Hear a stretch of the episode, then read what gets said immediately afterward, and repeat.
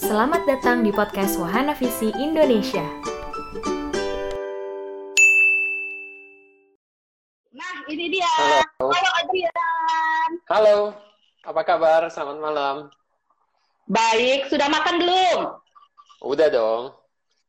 Udah ya. Tadi ada eh, teman WPI yang nanya apakah sudah makan Indomie atau belum katanya malam hari ini. Rupanya dia suka Indomie. Oke. Iya, Kayaknya semua orang pasti suka. Adrian. Yes. Ah, betul ya. Jadi di rumah selama masa eh, stay at home ini berapa kali udah makan Indomie? Nah, kalau saya sih memang beda sendiri karena saya udah sejak mungkin 15 tahun yang lalu kali. Kayak saya nggak makan mie instan lagi. Wow, luar biasa banget. Karena faktor kesehatan, Betul. menjaga kesehatan. Betul. Oh. Jaga sih, jaga. Oke, kalau begitu saya mungkin harus undur diri dulu ya dari sini karena saya tergolong kali makan harus dua. Oke. Oke, dulu saya juga Adrian. begitu kok. Yes. Oh ya, sekarang tapi udah enggak ya. Udah enggak. Gimana tuh cara menghilangkan kebiasaan makan Indomie? Ya, simply stop aja. Oh, Simply stop aja. baik. Ya buat kita kita yang suka makan Indomie mungkin harus eh, mencoba ya untuk gaya hidup Yes. sehat seperti yang Adrian lakukan. Nah, Adrian, malam hari ini kita dapat topiknya kebagian topik yang eh, luar biasa menarik nih ya. Karena sebelum Hmm. bahkan sebelum IG Live ini sudah banyak yang masuk ke DM-nya Wahana Visi Indonesia untuk menanyakan berbagai hal mengenai eh, seputar eh, keuangan khususnya di masa Oke. eh, COVID-19 ini karena eh, saya juga banyak mendengar dari teman-teman khususnya ibu-ibu yang sudah mulai resah dan gelisah gitu karena Hmm. pemasukan katanya berkurang eh, ada yang tetap tetapi relatif ada yang berkurang kemudian pengeluaran pastinya bertambah karena anak-anak sekarang di rumah terus mintanya Yes. jajan gitu belum Yes. lagi beberapa eh, teman-teman kita yang hmm, mungkin kurang beruntung sehingga terpaksa harus kehilangan pekerjaan dan itu pastinya eh, beban tersendiri bagi keuangan keluarga mereka. Nah, Betul. Adrian sebagai eh, ahli keuangan nih ya, kalau eh, disebutnya ya oleh saya ya, karena dibandingkan saya pastinya Adrian lebih eh, berkutat seputar ekonomi dan keuangan. Eh, menurut Adrian, kira-kira situasi seperti ini tuh akan sampai kapan sih? Dan bagaimana prediksi dampaknya terhadap perekonomian keluarga? Oke, jadi kalau kita lihat sekarang seperti ini yang saya uh, perhatikan dari uh, teman-teman, kenalan, dan juga dari masyarakat luas ya. Kan pasti ada yang uh, pada saat-saat seperti ini malah justru bisnisnya omsetnya menaik. Ada yang seperti Ah. itu. Ya, tergantung di sektor industri. Nah, tapi ada juga, saya tahu dan lumayan banyak yang lagi bertahan dalam posisi defense. Di mana Ya. mungkin uh, gajinya dikurangin, atau mungkin omset Hmm. bisnisnya turun, atau mungkin yang kasihan juga kan kena PHK seperti itu ya. Jadi itu pasti Betul. otomatis secara pendapatan keluarga kan turun. Nah, Hmm. kalau misalnya kita lihat ini bisa sampai kapan, ini sebenarnya sih nggak ada yang tahu. Karena kalau menurut uh, Hmm. pendapat saya pribadi, katakan walaupun nanti udah uh, dibuka ya, Mas ya, uh, udah, bisa mulai uh, aktivitas dengan uh, biasa lagi, itu uh, keadaannya nggak langsung seperti tombol on and off. Nggak seperti Ya. sekarang off, terus kita begitu nyalain tombol langsung on normal lagi. Pasti itu secara gradual Ya. kalau menurut pendapat saya. Jadi walaupun nanti sudah Hmm. dibuka, mungkin orang masih conserve mereka punya cash flow. Mereka masih takut untuk misalnya mau uh, aktivitas di luar. Mereka masih uh, mungkin yang uh, lagi hemat-hemat, mungkin juga uncertainties. Mereka tuh pasti uh, apa namanya pengeluarannya nggak seperti dulu lagi kalau menurut saya. Jadi itu takes time Hmm. gradually untuk improve. Jadi gimana pun Hmm. juga kalau uh, menurut pandangan saya kita harus menjaga cash flow kita sehat seenggaknya sampai Desember 2020. Oh, sampai Desember 2020 ya? Iya, betul. Hmm. Nah, eh, ada tips nggak bagaimana cara menjaga eh, cash flow yang tadi dibilang sehat? Karena kan eh, kalau misalnya kita bilang tadi Adrian bilang gradually eh, akan eh, improve-nya, berarti Hmm. mungkin teman-teman yang bekerjanya di bidang jasa misalnya, nggak serta merta ketika situasi ini membaik, kemudian eh, langsung mendapatkan job lagi. Ada faktor Betul. mereka harus eh, bertahan sampai dengan eh, Desember 2020. Eh, Syukur-syukur kalau lebih cepat dari itu Betul. ada ini enggak apa ada insight baru atau masukan untuk mereka apa yang bisa mereka lakukan untuk eh, mencoba bertahan dan melewati masa sulit ini Oke, nah jadi kalau masa sulit sampai kapan kan kita nggak tahu dan itu di luar kontrol, di luar kendali kita ya. Jadi kita lakukan yang terbaik ya. yang bisa kita lakukan dari sisi hmm. kita. Jadi kalau untuk saya hmm. sendiri sih uh, pendapat saya kan ada tadi seperti saya bilang ada yang sekarang bisnisnya atau pekerjaannya dalam uh, season attack menyerang. Jadi mereka punya omset lagi naik, uh, mungkin mereka di industri frozen food atau di industri uh, mainan atau industri uh, APD, mereka pasti omset lagi naik. Nah, kita mungkin kita nggak nggak bicara itu karena kalau seperti begitu kan kita just uh, life as usual aja ya. Tapi kalau ya. yang sekarang kita fokus kan adalah di mana yang terkena dampak, di mana pendapatannya berkurang. Nah, ya. untuk yang pendapatannya berkurang, kalau uh, saran saya boleh uh, memberikan saran, yang hal pertama yang harus dilakukan itu harus tahu posisinya ada di mana sekarang. Dia harus posi tahu hmm. posisinya di mana. Karena uh, apa yang saya belajar, uh, sekarang kan kita harus improve harus perbaiki situ, keadaan atau kondisi keuangan kita. Nah, untuk kita bisa improve sesuatu, sesuatu untuk bisa diimprove, kita harus bisa ukur. Nah, hmm. apa yang apa yang bisa kita ukur itu kalau bisa kita identifikasi. Salah satu cara untuk identifikasi adalah mulai mencatat. Mulai mencatat apa aja sih sebenarnya pengeluaran-pengeluaran kita. Dan kita juga pada saat ini, uh, untuk teman-teman yang mungkin terkena dampak, harus lihat juga Eh, berapa banyak dana darurat yang sudah disediakan. Nah, Karena dana betul, darurat itu kan itu. salah satu uh, aspek yang penting untuk hal-hal seperti ini nih yang tidak terduga kan. Ya. Nah, untuk yang uh, ada dana darurat, ya itu bagus. Jadi dana darurat memang ditujukan untuk situasi seperti ini. Paling bagus dana darurat itu kan di instrumen yang liquid. Dalam artian hmm. contoh misalnya seperti di uh, tabungan, yang bisa langsung diambil pakai ATM itu sesuatu yang liquid dan darurat bisa diambil. Ada juga mungkin hmm. di instrumen yang semi liquid, contoh misalnya deposito, deposito jangka pendek misalnya eh, tiga uh, bulan, enam bulan cair itu masih oke. Okay. Nah hmm. uh, kalau misalnya ada dana darurat, kita tahu dulu ada berapa banyak. Mungkin uh, buat teman-teman yang dana daruratnya yang liquidnya kurang uh, ada, coba cari lagi apakah ada aset-aset yang bisa di, terpaksa dijadikan dana darurat hmm. gitu. Dijual uh, gitu ya. Betul, betul. Jadi ada beberapa yang di instrumen yang sebenarnya tidak ideal untuk kita liquid, untuk kita liquify hmm. pada saat ini karena kan lagi turun harganya ya. Contoh misalnya uh, ada saham, mungkin ada pernah dulu pernah beli reksadana, atau mungkin ada beli asuransi yang ada unit linknya, itu kan semuanya ada nilai tunainya. Nah itu boleh dicek kira-kira ada berapa. Kalau sampai hmm. terpaksa itu harus dicairkan untuk jadi hmm. dana darurat, walaupun tidak ideal. Tapi apa boleh buat kalau sampai kepepet kan? Nah, jadi kita harus Karena tahu dulu. Karena udah darurat. Betul, betul. Jadi kita uh, kalau pada saat itu kita udah bukan melihat ya. ini lagi untung atau loss, tapi kita harus lihat ini bisa menyambung uh, apa hidup atau enggak, menyambung expenses atau enggak. Gitu. Nah, uh, kita harus catat itu semua dan kita harus tahu posisi kita secara keuangan ada di mana secara dana darurat. Nah, setelah itu kita harus lihat juga pemasukan kita berapa sekarang. Nah, pemasukan kita berapa? Entah itu terpotong, uh, pokoknya yang sekarang kita dapat. Nah, setelah kita ada pemasukan, kita baru bisa lihat pengeluaran kita berapa nih. Kita catat juga biar kita bisa bandingin.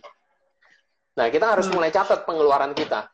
Nah, kalau pengeluaran, kalau dari saya, biasa saya catat ada empat kategori untuk pengeluaran kita.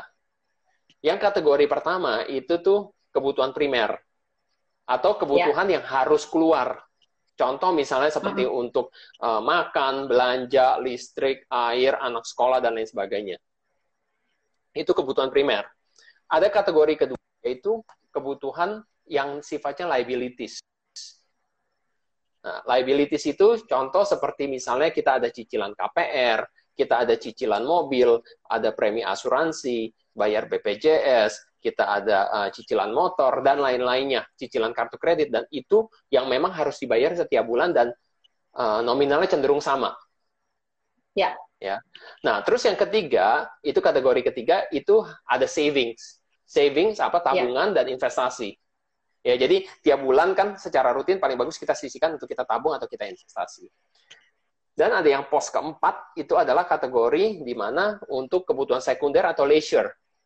Ya, misalnya yeah. Ya. uh, yang dulu kita pakai buat jalan-jalan, buat nonton, buat ajak uh, keluarga makan ke restoran dan lain sebagainya. Ya. Nah, kita udah catat, kita kategorikan seperti begitu.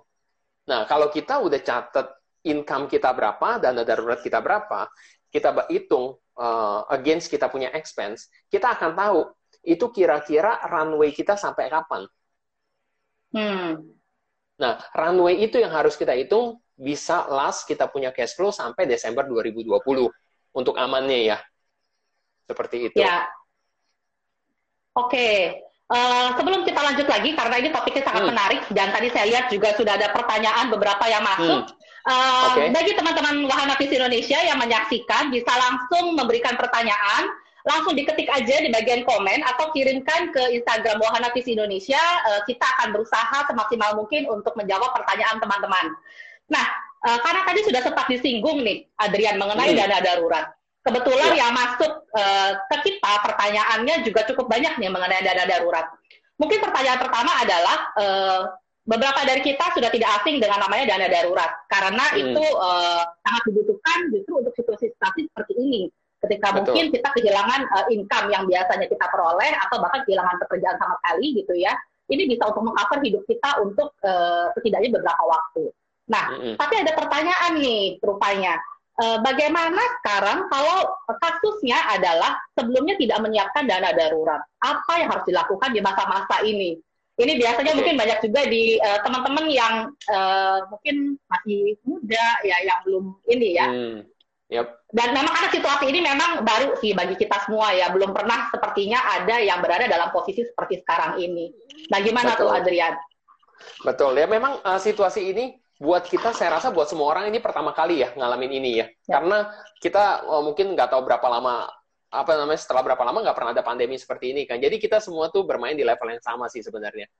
Nah, kalau balik lagi untuk masalah dana darurat, memang uh, kalau memang kita tidak mempersiapkan dana darurat, apa yang harus kita lakukan sekarang adalah seperti tadi kita identifikasi apakah ada aset yang kalau sampai terpaksa bisa kita cairkan.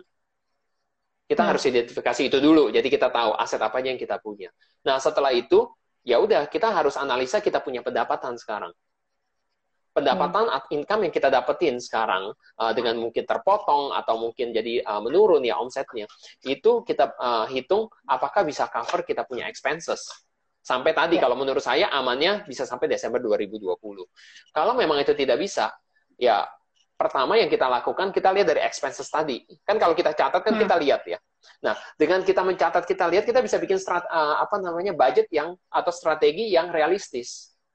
Karena kan sering, hmm. uh, saya masih ingat ya dulu uh, waktu saya baru-baru mulai kerja gitu ya, masih single waktu itu. Saya sering waktu itu berasa, wah ini saya terlalu uh, apa boros nih Nah, kita bikin budget biasa kan. Nah, bikin budget biasa lagi begitu berapi-api, kadang dapat angka dari langit, nggak tahu dari mana kan. Misalnya, wah ini saya buat uh, expenses buat makan terlalu banyak gitu. Kita langsung main hmm. kurangin, tapi dengan asumsi yang nggak jelas basisnya dari mana. Nah, kalau kita sudah hmm. melakukan pencatatan, kita kan bisa tahu kan kira-kira secara average kita berapa sih. Dan kita tahu komponen-komponen mana yang bisa dipangkas. Nah, jadi pasti kalau setelah kita lakukan pencatatan, tadi saya bilang kan ada empat kategori pasti kita lihat dari yeah. kategori paling bawah dulu. Betul. Kategori yang namanya leisure. Pastinya leisure. leisure itu bisa kita potong dulu yang pertama kali ya. Nah, yeah. setelah itu kita coba lihat yang uh, apa kategori ketiga, yaitu savings dan investment, Saving. investasi. Ya. Jadi uh, kalau misalnya pada waktu uh, lagi masa-masa sulit seperti gini, sulit cash, memang tidak make sense untuk kita menabung sebenarnya. Karena kalau memang hmm. sudah dalam posisi si uh, kepepet gitu. Prioritas kita adalah gimana caranya pengeluaran sam lebih sedikit atau enggak sejelek-jeleknya sama sama pendapatan. Kayak gitu yeah. kan. Hmm. Nah, jadi hmm. kita nggak bisa memikirkan untuk mau uh, nabung dulu pada saat ini. Karena ini hmm. kan uh, udah kepepet banget. Jadi untuk uh, apa tabungan dan investasi mungkin itu bisa kita hilangkan dulu. Nah, terus habis itu kita lihat kita punya liabilities liabilities mana yang bisa kita kurangin. Contoh misalnya um, kita punya KPR atau kita punya cicilan ya. mobil. Nah, bisa coba kontak ke banknya, ke bank atau mungkin ke account officer yang handle kita punya uh, account. Itu sekarang kan bisa restrukturisasi. Nah, ada beberapa pilihan itu semua ke, tergantung kebijakan masing-masing uh, perusahaan sih, masing-masing bank atau multi finance. Ada yang bisa uh, sekarang mungkin beberapa bulan nggak usah bayar pokok, bayar bulan, uh, bayar bunganya aja, ya. ya. Uh, mungkin uh, tiga bulan atau enam bulan bayar bunga nggak usah bayar pokok. Ada yang mungkin uh, tenornya dia kasih perpanjang misalnya. Karena tenor diperpanjang beberapa tahun, makanya uh, cicilan per bulannya jadi lebih, lebih uh, menurun ya. Nah, ya. Uh, ada juga kalau misalnya uh, yang benar-benar baik ya kasih bunganya diturunin sementara. Ya, hmm. uh, tapi bukan artinya diturunin permanen. Jadi hitung-hitung nganggapnya utang utang bunga. Ya. Nanti begitu udah normal Akan kembali bayar balik. Betul. Betul. Nah, tiga tiga hal itu sebenarnya bukan sesuatu yang ideal. Karena kalau kita melakukan hmm. tiga hal itu, nanti kalau kita lihat secara overall sebenarnya uh, yang kita bayar lebih mahal. Tapi sekarang kan kita nggak bilang jangka panjang, kita bilang yang penting jangka pendek kita bisa survive kan, survival kan sekarang. Betul. Nah, jadi itu bisa dilakukan. Nah, coba uh, ngobrol, diskusi sama uh, institusinya, entah itu bank atau multi finance, apakah bisa direstrukturisasi. Nah, terus mungkin kita juga bisa lihat uh, dari kita punya insurance plan juga. Nah, kadang ada orang kan yang mungkin uh, ambil insurance-nya uh, either uh, over-insured atau under-insured. Nah, kita bisa lihat, tanya ke agennya, ini coverage-nya apa aja. Apakah semuanya bermanfaat untuk kita pada saat ini? Dan juga ditanyakan, ada nilai tunainya atau enggak? Kadang kan ada yang ada unit link investasinya, ditanyakan ada nilai tunainya atau enggak. Kalau misalnya ada, itu kan uh, sesuatu aset lagi yang bisa kita ambil, bisa kita cairkan untuk bantu kita punya uh, cash flow. Terus habis itu uh, coba di review lagi tanya ke agennya apakah bisa melakukan cuti premi. Karena beberapa hmm. asuransi yang memberikan fitur cuti premi. Oh, bisa gitu. ya? Bisa, cuti premi. Okay. Jadi kalau ada nilai tunainya, kita bisa cuti premi, misalnya katakan tiga bulan, enam bulan, nanti biaya asuransi hmm. diambil dari uh, nilai tunai investasinya. Seperti okay. itu. Baik. Nah, Baik. kalau setelah uh, setelah itu, kita baru lihat yang kebutuhan primer kita apakah itu ada yang bisa dikurangin? Contoh, misalnya hmm. untuk uh, belanja, untuk makan dan lain sebagainya, apakah uh, itu bisa dihemat lagi? Nah, itu jadi kita bisa lihat uh, apa secara holistik, secara keseluruhan. Tapi kalau misalnya uh, saya sih prinsipnya yang penting balance, ya, yeah, because balance yeah. is the key to life. Jangan sampai kita hmm. potong sana, potong sini, ya kita save kita punya cash flow tapi kita mengorbankan lifestyle uh, mungkin lifestyle dengan anak-anak dan lain sebagainya gitu kan nah. kan kasihan juga mereka kan gitu jadi kita Betul. harus uh, balance gitu jadi jangan uh, mungkin buat leisure uh, nanti benar-benar dipotong kan kasihan juga keluarga gitu ya nah itu ya, jadi kita betul, harus betul. cari balance-nya sih sebenarnya Oke betul. Apalagi sekarang kayak kebutuhan primer juga seperti uang sekolah, saya dengar juga ada beberapa yang bisa dicicil ya sekarang karena uh, pihak sekolah juga menyadari bahwa orang tua mungkin kesulitan dalam keuangan.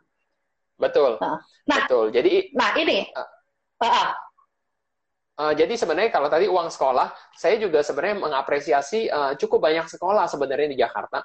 Saya tahu karena saya ada teman-teman uh, juga yang ber, apa, uh, bergerak di uh, bisnis sekolahan sebenarnya uh, sekolah itu bukannya menghemat karena mereka harus kerja lebih keras sekarang sebenarnya untuk anak-anak working apa study from home ya untuk ya, bikin betul. video, untuk bikin Google Classroom dan lain sebagainya. Nah itu sebenarnya mereka kerja lebih keras, tapi uh, mungkin menurut saya out of their empathy ya. Jadi mereka juga merasakan kesulitan, jadi mereka ada yang kasih uh, bisa cicil atau mungkin diskon paling rendah setahu saya ada diskon 5% sampai bisa kasih 30% diskon. Jadi itu sih uh, nah. satu movement dari sekolah yang uh, menurut saya sih luar biasa sih. Ya, menarik sih karena memang situasinya seperti ini sehingga uh, banyak pihak ya termasuk sekolah hmm. lalu kemudian juga bank yang akhirnya memberikan keringanan ya. Nah, yes, betul. Uh, Adrian, ini dari tadi saya melihat banyak sekali pertanyaan tertarik dengan dana darurat. Hmm, um, okay. Kebanyakan dari pertanyaannya adalah apakah ada patokan komposisi, komposisi untuk dana darurat yang seharusnya dipersiapkan? Apakah eh, komposisinya itu baku atau berbeda-beda sesuai dengan jumlah anggota keluarga dan eh, biasanya berapa persen sih dari penghasilan atau bahkan dihitungnya apakah dari pengeluaran? Oke, nah uh, pertanyaan bagus itu karena uh, kalau kita sekarang bicara dalam keadaan normal ya, misalnya katakan uh, lagi keadaan normal kita mau mempersiapkan dana darurat. Secara rule of thumb, dana darurat itu besarnya harus sekitar paling sedikit enam bulan uh, monthly expenses. Jadi enam bulan pengeluaran. Enam bulan expenses, oke. Okay. Expenses. Hmm. Jadi bukan income ya, expenses. Jadi yeah. otomatis expenses itu kan mengikuti jumlah anggota keluarga. Ya, atau hmm, mungkin hmm. siapa yang kita support. Kalau memang kita uh, support orang tua juga, itu kan ada di expenses kita. Gitu. Jadi kalau misalnya satu bulan expenses kita X, kita harus punya minimum 6X. Hmm. Seperti itu. Nah, itu rule of thumb-nya. Tapi pastinya buat setiap orang berbeda-beda. Ya, Ya. untuk yang uh, mungkin yang masih single belum ada tanggungan, yang udah ada yang udah menikah atau yang udah punya anak, itu pasti berbeda-beda. Gitu. Nah, juga kita juga di uh, season offline kita juga berbeda-beda ya. Contoh misalnya kalau untuk yang anak-anaknya sekarang kelas 1, kelas 2 SD, itu mungkin uh, masih oke. Okay. Tapi kalau misalnya anak kita udah kelas 6 SD, kita otomatis udah harus mulai mempersiapkan uh, apa satu dana lagi untuk bayar uang pangkal kalau mau masuk SMP gitu. Supaya ya. itu nggak mengganggu dana darurat. Hmm. seperti itu. Jadi memang uh, itu ada dinamikanya tapi secara rule of thumb enam kali pengeluaran bulanan. Dan pengeluaran bulanannya kalau di saat seperti ini uh, berarti dihitungnya dari yang primer dan dari yang liabilities ya? Betul. Uh, primer uh, liabilities Uh, dan ya biasanya kalau misalnya kita lagi bicara normal aja, kita sih sebenarnya hitung semuanya, gitu ya. Kita hmm. hitung semuanya, oh, pokoknya okay. dalam sebulan kita keluarin berapa, kita usahakan uh, sebenarnya dana darurat itu supaya kalau terjadi uh, situasi seperti ini, seenggaknya kita punya lifestyle dropnya jangan terlalu jauh, seperti begitu kan sebenarnya. Hmm. Seperti okay. itu sih perhitungannya. Nah, mudah-mudahan bisa menjawab tuh pertanyaan dari beberapa teman-teman tadi ya. Jadi uh, dana darurat itu patokan bakunya uh, balik lagi tergantung dari kebutuhannya kita, pengeluarannya kita. Tapi ya. uh, yang menjadi patokan adalah enam kali enam kali uh, pengeluaran per bulan. Pengeluaran, yes betul. Nah, enam, enam bulan pengeluaran gitu ya. ya itu yang betul. harus kita miliki ya berarti ya. Betul. Oke. Okay. Uh, ada. Jadi kalau misalnya kita bicara ah. akhir-akhir ah. ini kan sebenarnya tergantung lokasi juga sih. Kayak akhir-akhir ini kan ada, ya, ya saya juga uh, kenal beberapa kawan juga investasi properti yang ada sudah 10 tahun juga nggak naik. Hmm. Gitu. Oke, oke. Berarti memang harus hati-hati sekali ya dalam memilih hmm. properti juga kalau kita mau investasi tergantung lokasi. Nah, ini pas Betul. lagi ngomongin properti, barusan tadi juga ada pertanyaan di situ bagi eh, orang-orang uh, yang penghasilannya uh, tidak terdampak. Ini syukur banget nih ya, tidak terdampak hmm. nih. Tadi ada pertanyaan. Uh, investasi apa sih yang pas untuk dipilih untuk masa seperti sekarang ini? Oke, sebenarnya kalau kita lihat uh, saat-saat seperti ini, kalau memang kita ada uh, cash yang apa namanya ekses ya, ada ya. uang yang uh, cash yang uh, ekses, itu paling bagus sih hmm. sekarang kita bisa investasi di instrumen-instrumen seperti saham atau reksadana saham. Oh, malah karena, saham ya? Karena uh, kalau kita lihat, sekarang saham dan reksadana saham harganya lagi murah sekali.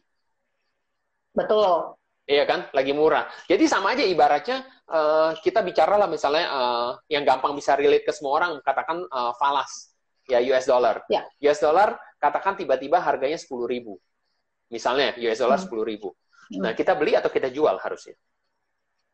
Beli dong pasti dong kalau ya, US dollar sepuluh ribu karena kan murah ya. gitu nah Betul. sama sekarang uh, saham juga banyak uh, blue chip uh, blue chip uh, company punya saham juga lagi murah sekarang gitu hmm. reksadana untuk reksadana saham uh, even reksadana fixed income itu juga lagi murah sekarang gitu jadi kalau misalnya kita beli sekarang dan kita memang beli itu buat kita hold ya jangka panjang ya itu pasti naik gitu jadi istilahnya kita uh, okay. buy low sell high Ya, tapi memang berarti PR-nya menentukan pemilihannya ya, yang mana yang Betul. mau kita beli ya.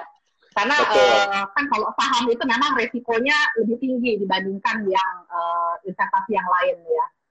Betul, hmm. betul. Jadi kalau memang uh, kurang familiar dengan uh, saham, mungkin nggak ngerti gimana cara kan biasa melakukan fundamental analysis dan technical analysis. Nggak uh, familiar dengan itu, uh, mendingan boleh coba di reksadana karena reksadana relatif lebih aman aman betul gitu dan sekarang sudah cukup banyak uh, apa namanya perusahaan-perusahaan uh, istilahnya itu apart online itu ya. singkatan yeah. dari asosiasi uh, penjual efek reksadana online jadi udah hmm. lumayan banyak uh, apa namanya perusahaan-perusahaan yang menjual reksadana secara online kita melakukan proses KYC atau know your customer itu lebih simple Hmm. Itu kita bisa, uh, mereka udah sediakan apps, tinggal download apps terus melakukan uh, apa verifikasi know your customer habis itu kita bisa beli reksadana dan kalau misalnya yang mau coba-coba itu mereka biasa bisa yeah. uh, minimum 100 ribu bahkan ada yang bisa dengan 10 ribu pun udah bisa beli reksadana hmm. jadi sesimpel itu gitu Oke, okay. selain saham dan reksadana, uh, ada lagi nggak jenis investasi yang disarankan? Mungkin untuk tipe-tipe orang yang konservatif gitu ya. Uh, apakah hmm. deposito sekarang ini masih oke okay untuk dilakukan di situasi seperti sekarang? Uh, kalau menurut saya deposito sih agak terlalu rendah daripada deposito hmm. mendingan kan reksadana kan sebenarnya ada macam-macam tipenya ya. ya. Ada reksadana Betul. kas, ada reksadana bonds, ada reksadana hmm. uh, equity atau saham. Kita mendingan bisa pilih ya. reksadana kas. Karena okay. uh, reksadana cash ya money market ya pasar uang ya, ya, itu sebenarnya sama sama seperti deposito cuman uh, dia ya. punya return bisa sedikit lebih tinggi daripada deposito lebih tinggi iya betul Oke, mudah-mudahan menjawab tadi yang menanyakan mengenai investasi ya. Nah, ini ya. sekarang ada pertanyaan nih. Kak, hmm. kalau tidak ada hutang, terus 35 persennya itu dimanain baiknya? ah, bagus nah. banget loh ini. Bagus, bagus. Kalau seperti itu 35 persennya bisa kita pakai untuk investasi. Ya. Ya, untuk untuk mempersiapkan. Jadi uh, kalau biasa apa yang apa yang saya pernah belajar ya untuk kita punya uh, keuangan, kita pastinya harus mempersiapkan kita punya dana pensiun sama dana pendidikan anak-anak. Ya, hmm. Jadi kalau misalnya katakan kita nggak ada utang, nggak ada apa segala, mungkin uh, saya asumsi misalnya masih uh, relatif muda ya misalnya ya belum punya cicilan apa-apa gitu ya misalnya. Nah, itu dana eksesnya itu bisa kita investasi untuk kita punya dana pensiun. Hmm. Gitu. Dan nah, itu sih itu bagus tadi Yongki Ferdinando. Hmm, saya jarang loh menemukan yang seperti ini sih memang ya. Tidak ada cicilan sama sekali. Di masa sekarang rasanya uh, uh, jarang banget nih. Uh, Yongki Ferdinand, mudah-mudahan terjawab tadi ya. Jadi uh, pilihannya adalah ada baiknya kalau misalnya dana yang dimiliki tadi bisa diinvestasikan.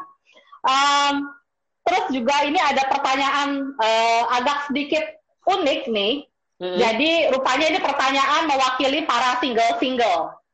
Ada okay. yang masuk pertanyaan, mm uh, katanya kok ini kalau untuk kami yang masih single yang pastinya akan berkeluarga di masa depan. Wow, mereka punya iman akan berkeluarga. Bagus banget. Jadi yang para single-single, mudah-mudahan habis dari season ini, ini selesai, semuanya akan bertemu dengan pasangan masing-masing dan menikah ya. Yang setuju ketik amin kalau mau dapat pasangan. Nah, mereka menanyakan, untuk single-single, gimana sih cara mengelola keuangan di uh, musim ini supaya keuangan masa depan tetap terjaga, khususnya untuk yang single. Berarti mungkin uh, pengeluarannya mereka relatif lebih uh, sedikit ya. Apakah mereka Betul. juga harus memikirkan tadi yang untuk investasi untuk pensiun, ataukah mungkin ada yang lain yang bisa mereka uh, lakukan? Oke, okay. jadi pastinya mereka uh, sekarang ini walaupun mereka masih single, itu mereka harus udah merencanakan, ya karena banyak orang yang salah, termasuk saya sendiri, ya yang salah kita pikir ah ya kita masih single, masih lama lah nanti, kita pikirnya masih lama nanti, gitu loh.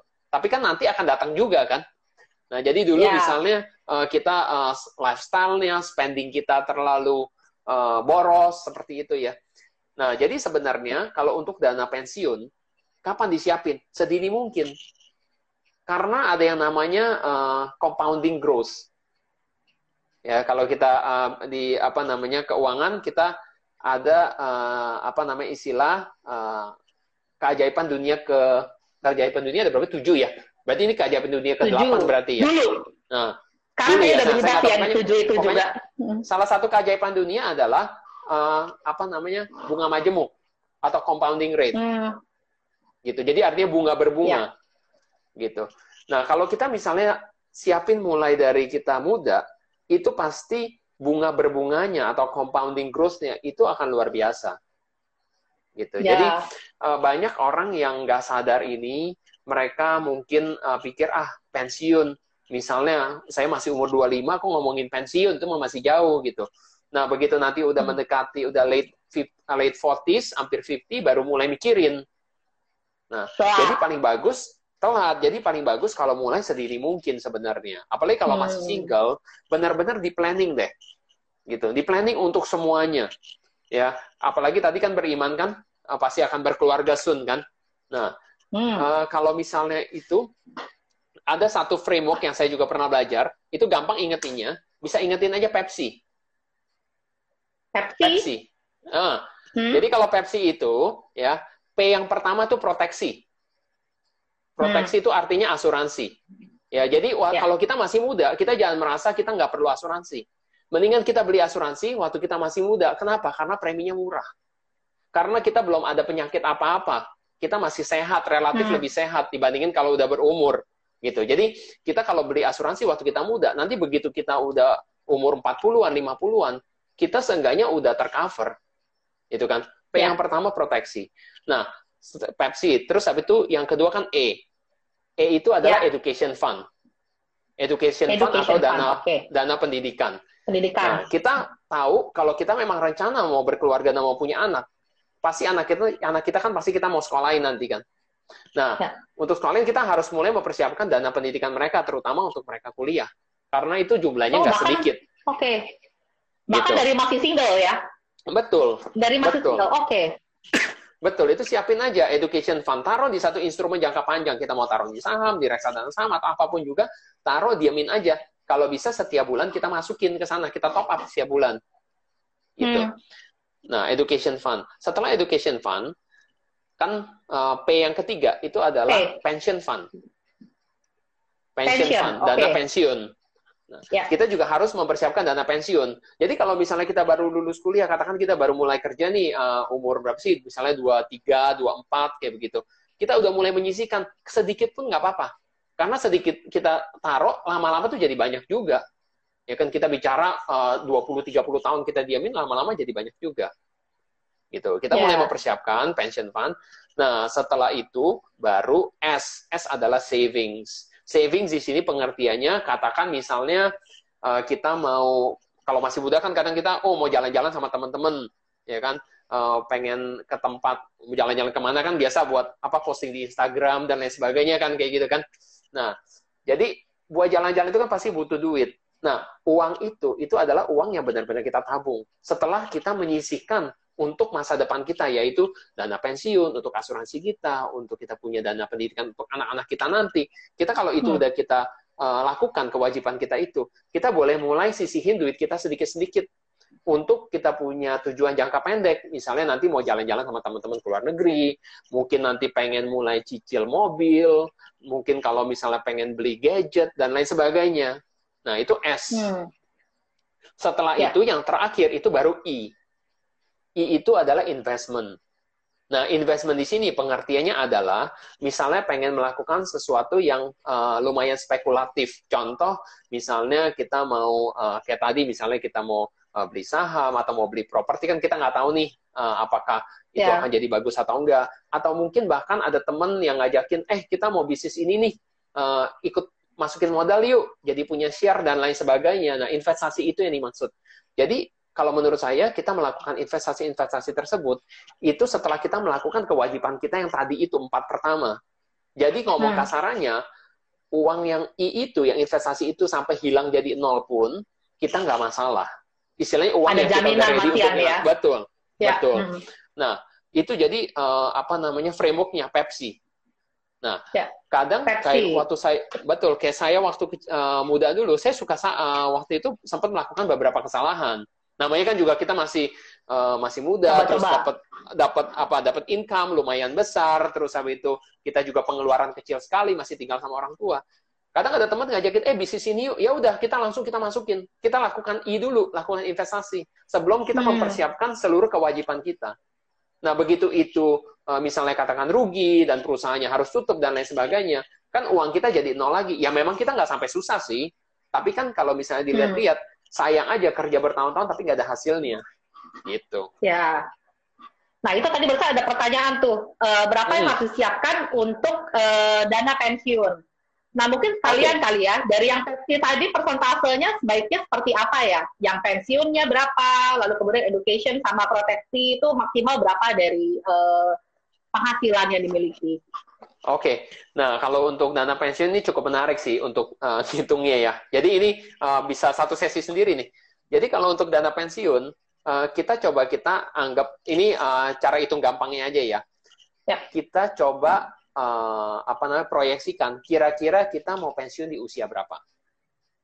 Hmm. Katakan misalnya di usia 60 deh. Contoh ya, kita di usia 60. Nah, terus dana pensiun kita katakan kita hidup sampai usia 90 misalnya.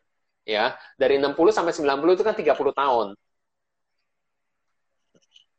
Dan kita juga harus ingat karena kalau kalau kayak sekarang kita aja kalau weekend sama weekdays, pasti kan weekend kita keluar uang lebih banyak kan spendingnya kan. Benar. Nah, nanti kalau misalnya udah pensiun, itu setiap hari weekend. Setiap hmm. hari kerjanya jalan-jalan, ya kan? Nah, yeah. jadi kita harus mulai mempersiapkan. Jadi kita harus hitung. Nanti kita punya lifestyle kira-kira, kita hitung dengan uang sekarang ya, satu hari hmm. atau satu bulan kira-kira pengeluaran kita berapa sih? Misalnya katakan pengeluaran kita, contoh kita saya ambil satu angka aja ya, pengeluaran kita misalnya 10 juta. Ya. Nah, waktu itu kan udah nggak ada anak-anak, nggak ada siapa-siapa, nggak ada tanggungan lah. Nah, anggap kalau sekarang 10 juta, 10 juta di tahun 2020, itu kalau dengan inflasi, di tahun waktu kita umur 60, itu jadi berapa angkanya? Yeah.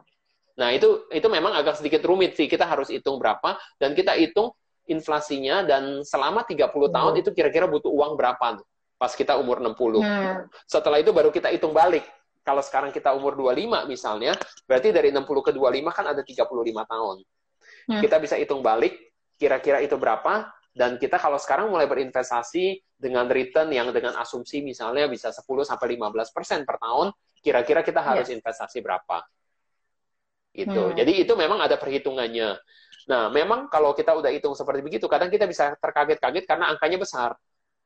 Nah, tapi kalau angkanya hmm. besar, kita jangan Jangan langsung berkecil hati kayak, waduh ini kayaknya berat atau nggak bisa. Nggak apa-apa.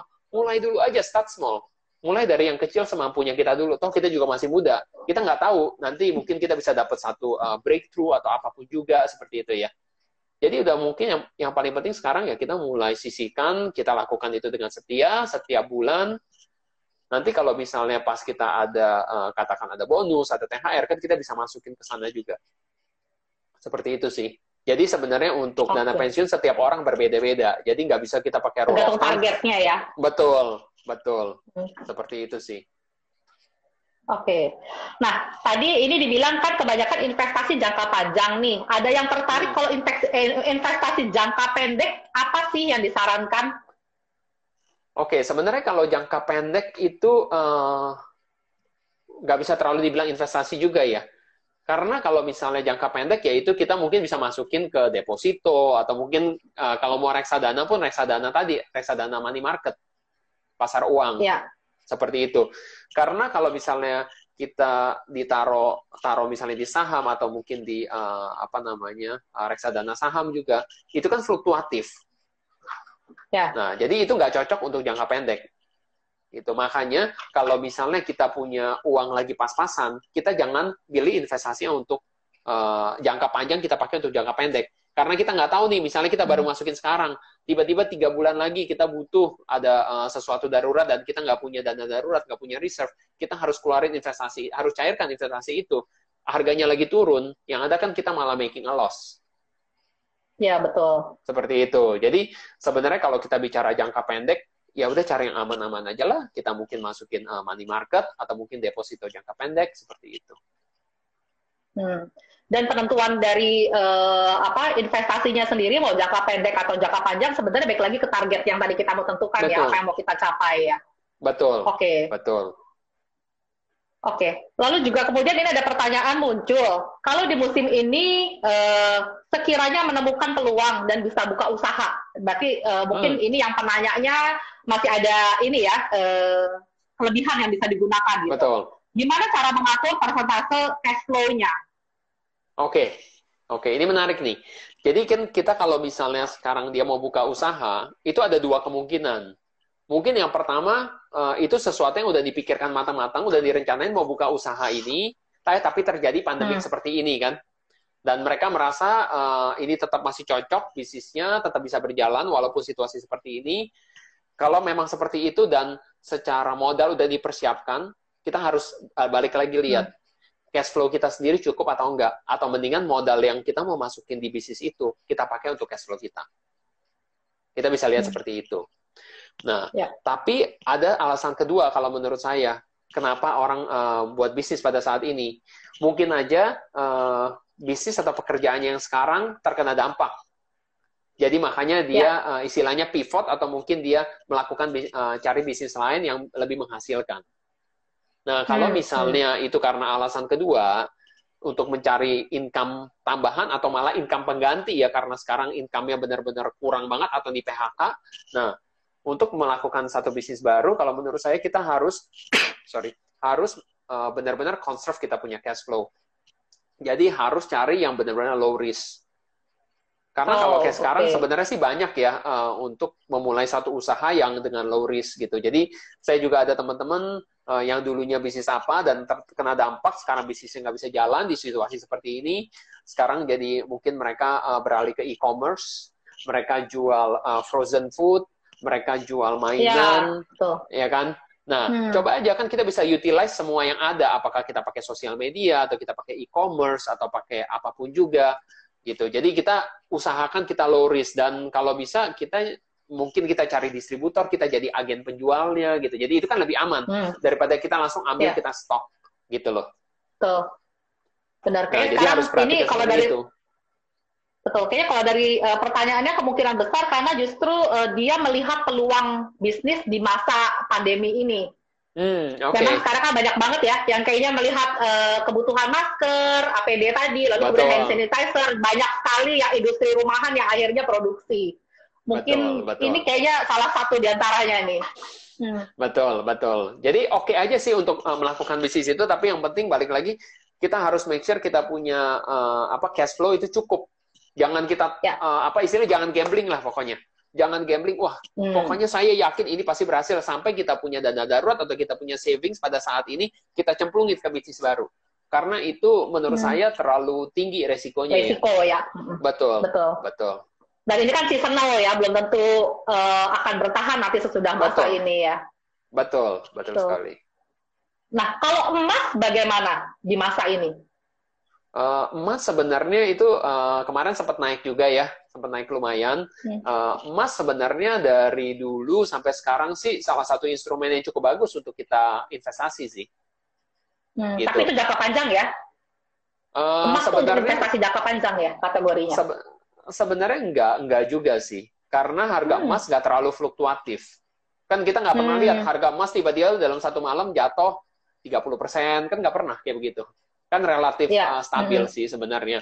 gitu Dan uh, itu istilahnya gampang untuk dijual lagi. Ya. Gitu, ada harganya gitu. Itu gampang untuk dijual. Hmm. Kalau misalnya sampai terjadi sesuatu pun itu gampang untuk kita bawa sebenarnya kan. Kalau kita pegang fisik ya.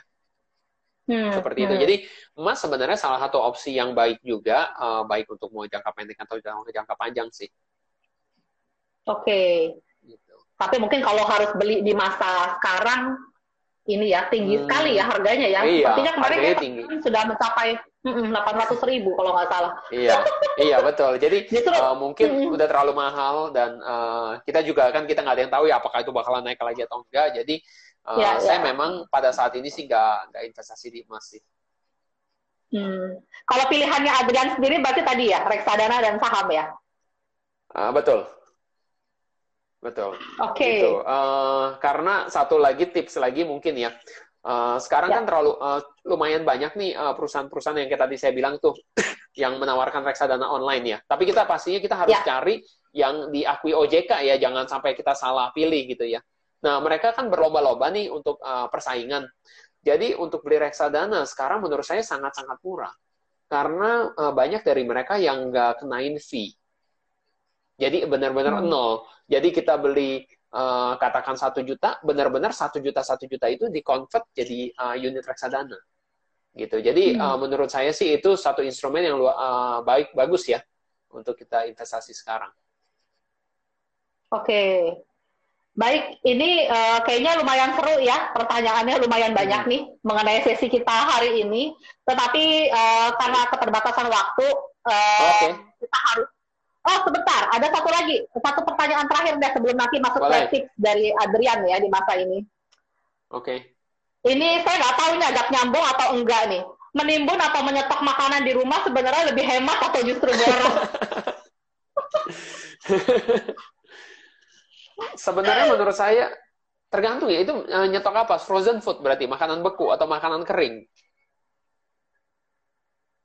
hmm, hanya makanan sih oke okay, oke okay. uh, ya nggak tahu ya tapi kalau saya sendiri sih dari pertama kali terjadi ini atau mungkin dulu dulu lah kita bicara waktu pas lagi banjir atau lagi apa saya sih nggak pernah stok makanan terlalu berlebihan sih sebenarnya sih karena menurut saya sih nggak perlu juga gitu ya sampai seperti itu dan itu biasanya bisa nyebabin orang jadi panic buying, panic buying Betul. bisa jadi chaos, chaos harga bisa ya. jadi uh, naik gitu. Jadi menurut saya sih nggak usah hmm. sampai seperti begitu sih.